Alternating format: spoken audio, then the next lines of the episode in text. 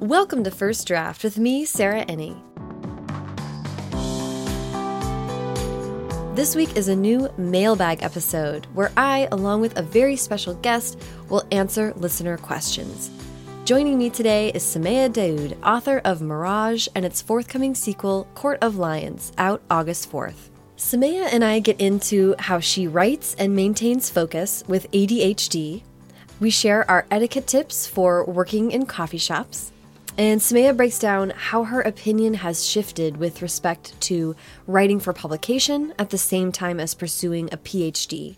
And we both admit to being afraid of not living up to our own writing advice. Everything Somaiya and I talk about on today's episode can be found in the show notes at firstdraftpod.com. First Draft participates in affiliate programs, and that means that shopping through the links on firstdraftpod.com helps to support the show at no cost to you.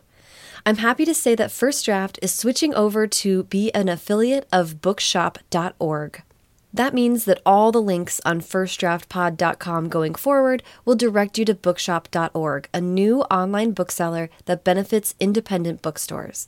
So, when you hear about a book on the show, you can go to the website, click on the link to buy it, and you'll be benefiting First Draft and local independent bookstores. So that's a win win win win win. If you'd like to donate to First Draft, either on a one-time or monthly basis, simply go to paypal.me slash firstdraftpod. Another quick and easy way to support the show is to subscribe to the podcast wherever you're listening right now and leave a rating or review on iTunes. Thank you so, so much to everyone who's already gone to iTunes over the last couple weeks to leave a rating or a review. If it skipped your mind, don't worry about it. There's still time. You have a few days to take the two minutes to hop over to iTunes, check out the show, leave a quick rating, feel better about your day. I'm going to read from a recent review that was left. This is a five star review that was left by Say Jules. Say Jules says, Great podcast for writers. I'm so glad I found this podcast. Besides getting great writing advice, I also get the encouragement to keep on writing by listening to the experiences of Sarah's published authors. Say, Jules, thank you so much for leaving that review, and I'm so glad that the show makes you inspired to keep writing. That's probably the best thing that anyone could ever say about the show. It's so gratifying to me. If you want to be like Say Jules and you want to help the show, go on over to iTunes, leave a rating or a review. If I get to 300 ratings by March 1st, I will hold a massive giveaway with tons of books from guests on the show. So there's a little carrot there for you. And finally, if you have any writing or creativity questions that you'd like me and a guest to answer in an upcoming mailbag episode, please call and leave that question at First Draft's voicemail at 818 533 1998. Or you can record yourself asking that question and send the voice memo to mailbag at firstdraftpod.com. Okay, now please sit back, relax, and enjoy my conversation with Somaiya Daud. Okay, hi Somaiya, how are you? Good, how are you? Good, I'm doing so good. Thank you for chatting with me today. Yeah. We have some questions today that I'd love your help in addressing. Um, the first question we got from Instagram this question is I heard you struggle with ADHD.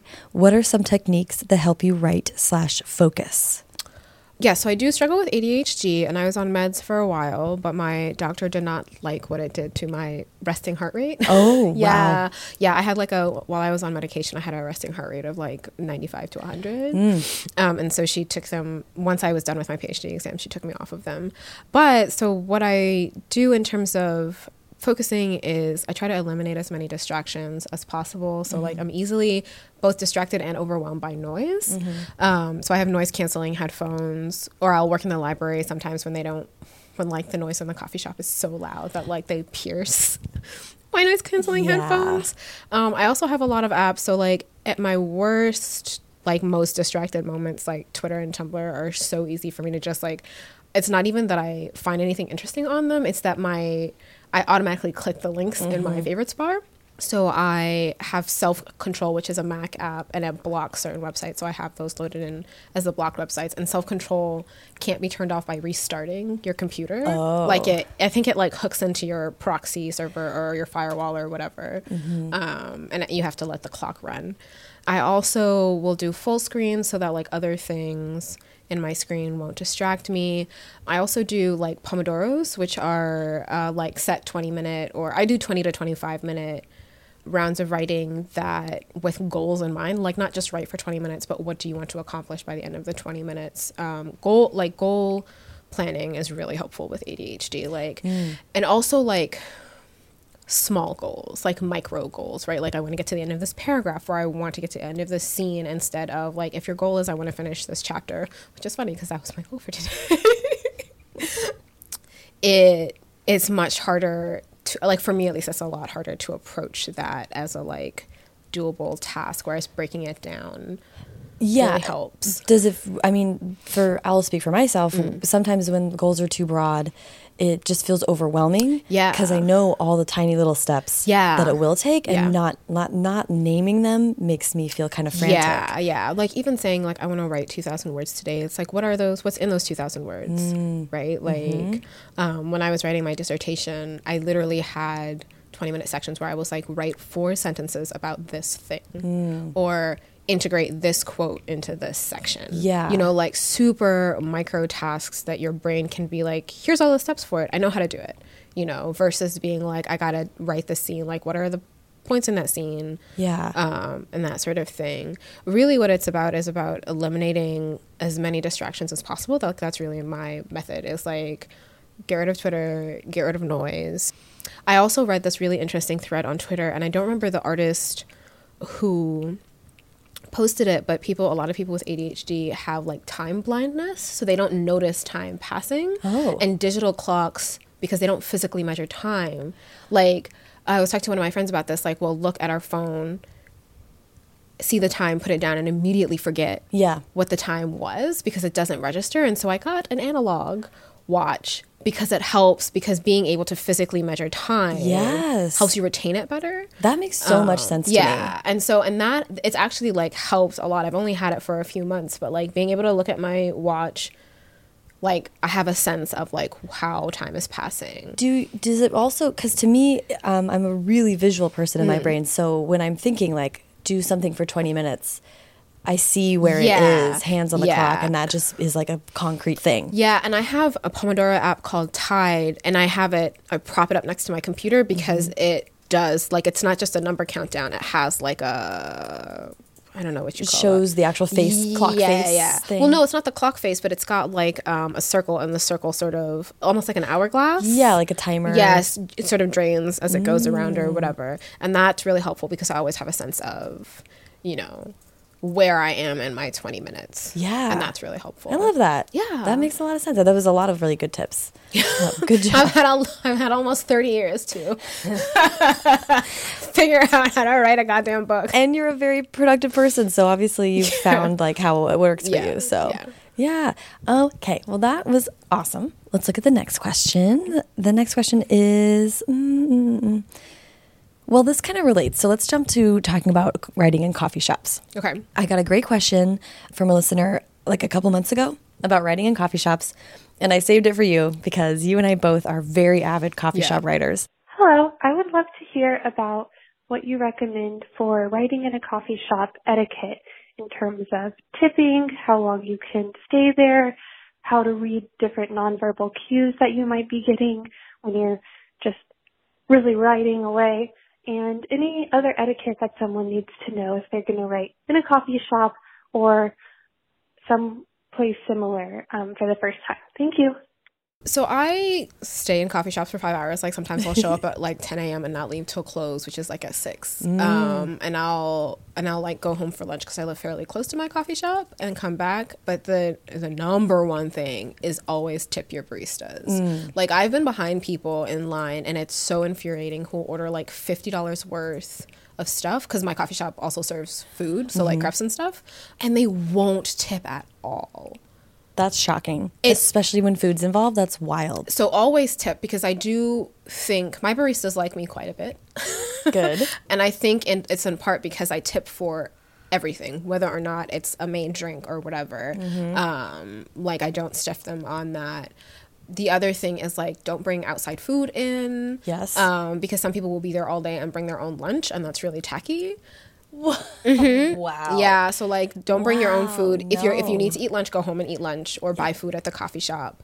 And also don't be messy. Like some people don't bust their own tables. It's so bizarre to me. Like Hmm. it's I think it's because like I think that I get along with my coffee shop and they like me because I observe like basic human etiquette. Truly. And a lot of people don't. Like I've mm-hmm. come into the coffee shop and someone it's been like a family of 6. They all got crepes. There's like powdered sugar everywhere. They've left the baby chair and they've just like absconded and and like left like pile. Yeah, it's absurd. Wow. So like clean up after yourself, tip your baristas, don't be disruptive, Mm-hmm. you know. And I do like if I'm going to be there for a super long time, sometimes I will like I I eat lunch enough Mm-hmm. that I'm not buying like $3 coffees and being there for 8 hours. That's the other thing. Like if you're if you're there for a long time, buy more than one drink. Yes. Cuz the drinks also are like expensive. Like if you're getting like a grande latte, that's like $5. Yeah.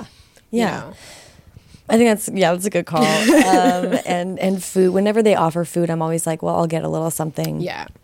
even if it's just a muffin or a bagel um, that helps and like I, I also am observant about like how crowded it is Yeah. there's some places where it gets so busy that i'm like i understand that i am taking up a table Right. that they would like to turn over like very intensely right Yeah. now and sometimes i'll i'll take the hint and Right. try to go there at off hours Yeah. especially since we are able to write during the day Yeah. i'll go during the day a lot of people are at work and not needing to, to use this, the resources Right. or and I go to coffee shops where I know they don't mind. Yeah. Some coffee shops really want the turnover and they're diners or whatever. Yeah, yeah. But some coffee shops I'm like, no, they respect this. Right. Or they don't care. yeah, the my local coffee shop, which is like my coffee shop, there's a lot of like work from home people, Mm-hmm. so they set up all day and they're really friendly and they're like a neighborhood coffee shop, so they know everybody that comes through. They like know what's going on in your life and that sort of thing. Yeah. but yeah, I've definitely been in places, and a lot of places will like have signs if they want turnover. They'll be like. Like I, there was a coffee shop when I lived in DC that was like, you're not allowed to plug in. Like they got rid of all of their outlets, and then one that had like you can't be at a main table for more than like two hours, and that sort of thing. So like the the coffee shop also will like telegraph pretty clearly what their expectations are for you as a patron. yeah, and Um, don't violate them. Yeah, don't violate them. Yeah. That's I'm trying to think about what else. So I personally just like take my life in my hands and I leave most of my stuff at the table when I go to the bathroom and I don't like ask anyone to look at it. And I'm Yeah, just like, same. it's assumed Yeah. that please don't wa- let someone walk up and walk away with my stuff. yeah. yeah. I the only time I won't do that if is, is if I have a seat by the door. Yes, that's a good call. Um, but usually if I'm like in the coffee shop, far away from where someone could like, and I, my neighborhood is fairly white. Like I am the only hijabi in my neighborhood, Mm. and so I feel like my baristas know me well enough that like if a white dude came up to my table and walked away with my laptop, they'd be like, That's not a friend. sec." yeah. yeah yeah i actually i had an experience a couple years ago where i was like anxious so i was going to the bathroom fairly frequently and i had left my laptop out a number of times and this like they were like quebecois or french or whatever and she was like you have left your laptop multiple times someone will walk away with it and i was like yeah okay I was like, I, I appreciate your concern, Yeah. but I'm making a calculated risk here. don't colonize my my decision to leave my laptop oh my god, so funny. Yeah, it's a. Uh, I feel like it's a it's a calculated risk and it's fine. Yeah, and it's like you know, you know your neighborhood, you know your coffee shop. Yeah. You know, like the coffee shop that I mentioned with like the limited outlets or whatever, they had had like a rash of thefts. Mm. Part like just, you know, I think part of it was like the neighborhood Yeah. or whatever. But like that's never happened in my coffee shop and like this is so bad. But like I know all of the work from home guys who work at the coffee shop who like hang out at the coffee shop every day or whatever and they know me like I don't know any of their names, but they all know I'm in a PhD program and they ask and we're all pretty friendly with each other. So like I know if I'm sitting next to one of them. That's exactly it. Like when you do go to a coffee shop as frequently as you and I do, you do get to not only know the baristas, which is appropriate, but you start to know the other people that go there all the Yeah. time. Yeah. So I'm always like, well, this, and again, don't know their names. Yeah. But I'm like, well, this guy with the cute outfits and this guy who's always here, like jugging a matcha. Like the, they know Yeah, me. yeah. And when they go to the bathroom, I'm watching their stuff. Yeah, exactly. It's the it's a beautiful thing. Yeah.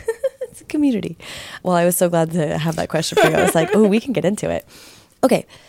So we had a, I had a question from Instagram. How do you balance such a rigorous academic schedule and writing a novel? And I know that your academic life is a little bit in flux right now. Yeah. So how is it how has it been and how is it changing? So my answer for this is going to be different now than it was two years ago because in the thick of it, I was like, you can do it.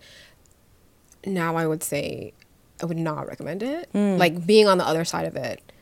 You wouldn't recommend writing a novel at the same time that I you're wouldn't getting a- recommend having a novel in the publication process Ah. because when you're writing for yourself, you have so much more control over your own schedule. Mm. And in the thick of it, I was balancing Mirage and Court of Lions deadlines, my dissertation deadlines, and also having to grade 30 students' works weekly because I teach a composition class and they have essays every week. And that's like the curriculum requirement set down by the department. And in the thick of it, I could do it, but I was doing everything sloppily. Um, and on top of that, I got super sick very frequently. Like this year, I literally woke up a couple of days ago and was like, I have not been sick in a year. And that's new Right.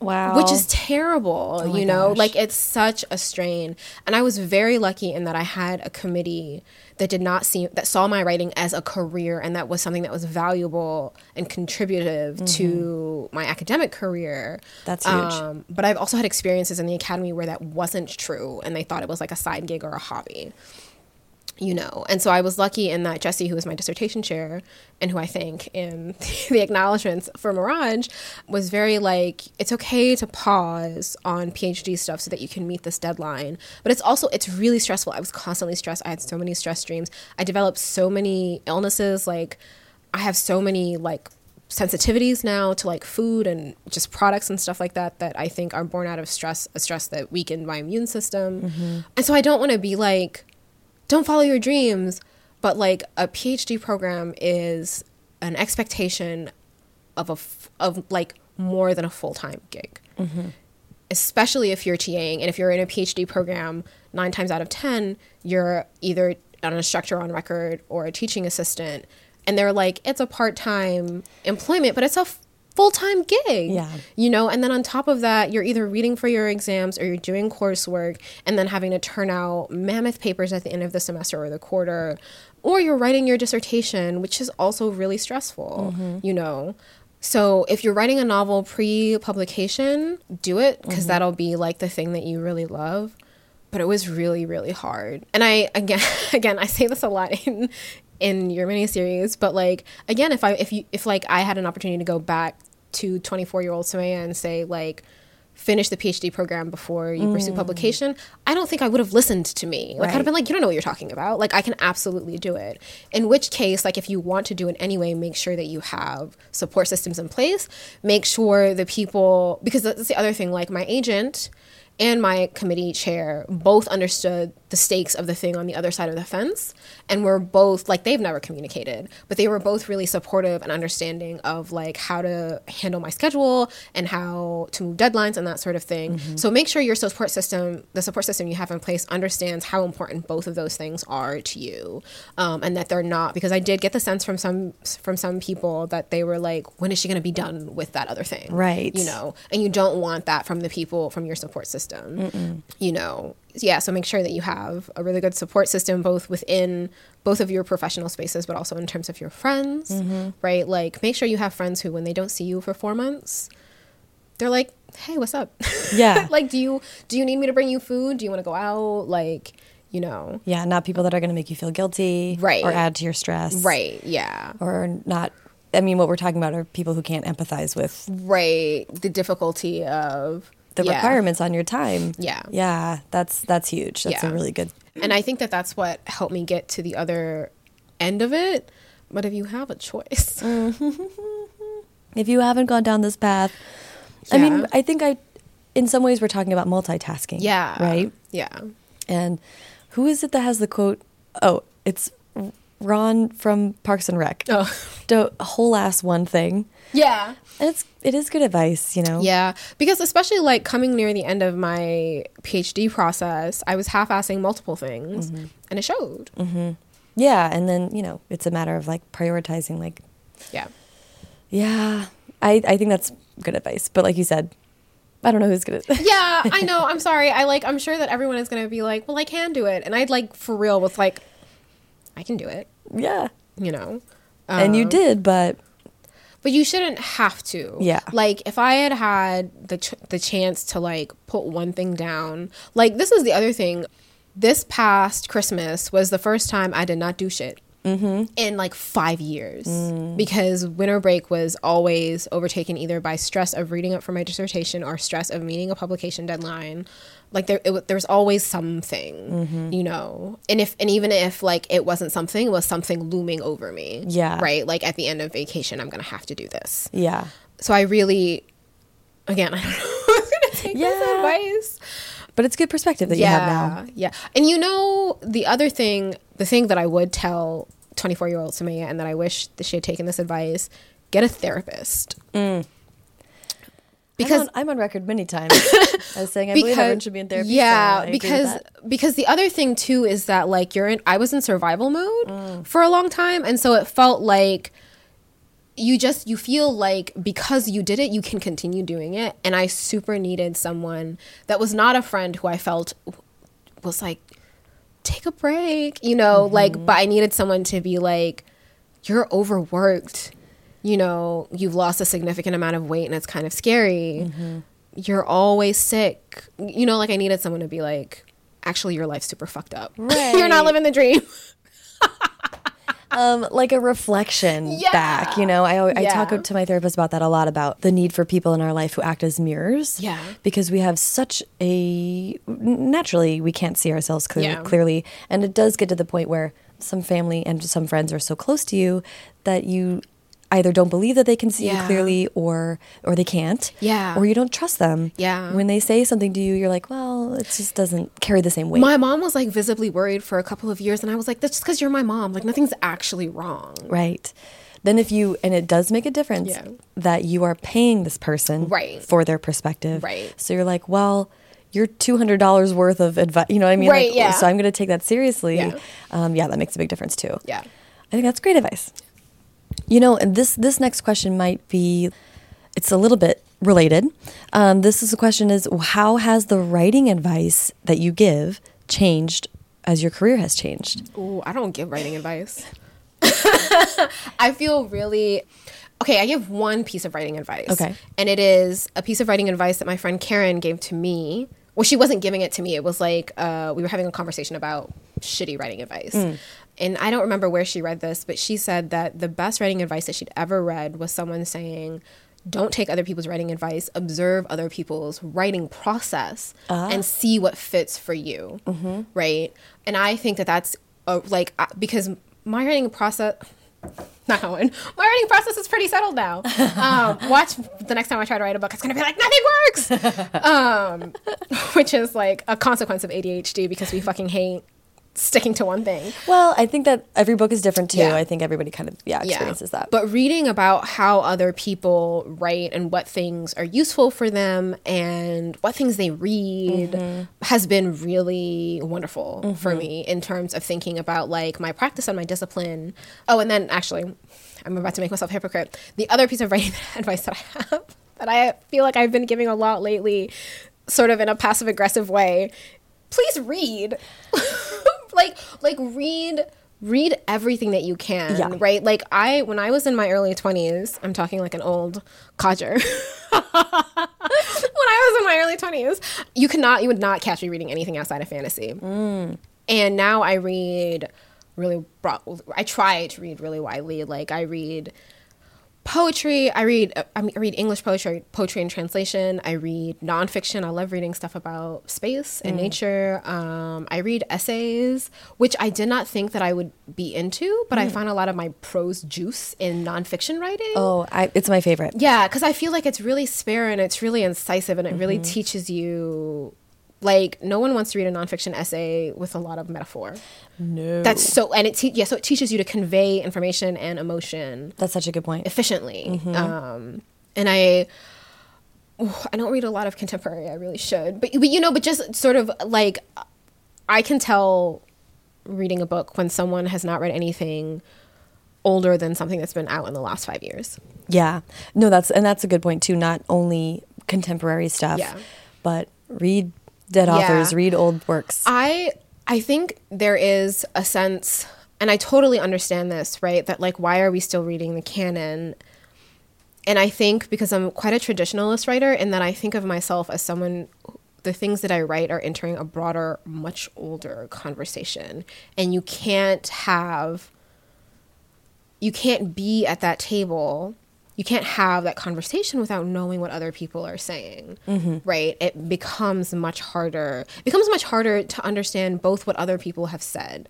And and it also this attitude also assumes that like people of color lesbians trans people disabled people have not been writing forever so when you tell me I don't read thing, I don't read super old stuff, I'm just like your reading practice sucks. Mm. You don't know what's out there. You don't know what's been said about your thing. You don't know how to respond to it. You don't know how to have conversations about it. You don't know, you won't be able to frame your own work, right? Like I feel like people often say you need to read, especially with fantasy, you need to read the stuff that came before to become a better writer. And for me, I'm like I say this as someone who really loves Tolkien. Was only a matter of time before he came up. um, you know, like nobody writes like Tolkien anymore. Like you couldn't get anything. You can you could not get the Silmarillion published today. Cer- certainly Like, not. You know, like no way. But having having read him and having read like other epics outside of the European tradition, then like I can attempt to have a conversation in my work about the things that I think that Tolkien is trying to say. Mm-hmm. And for some people that's not a priority, in which case your reading practice is going to be different.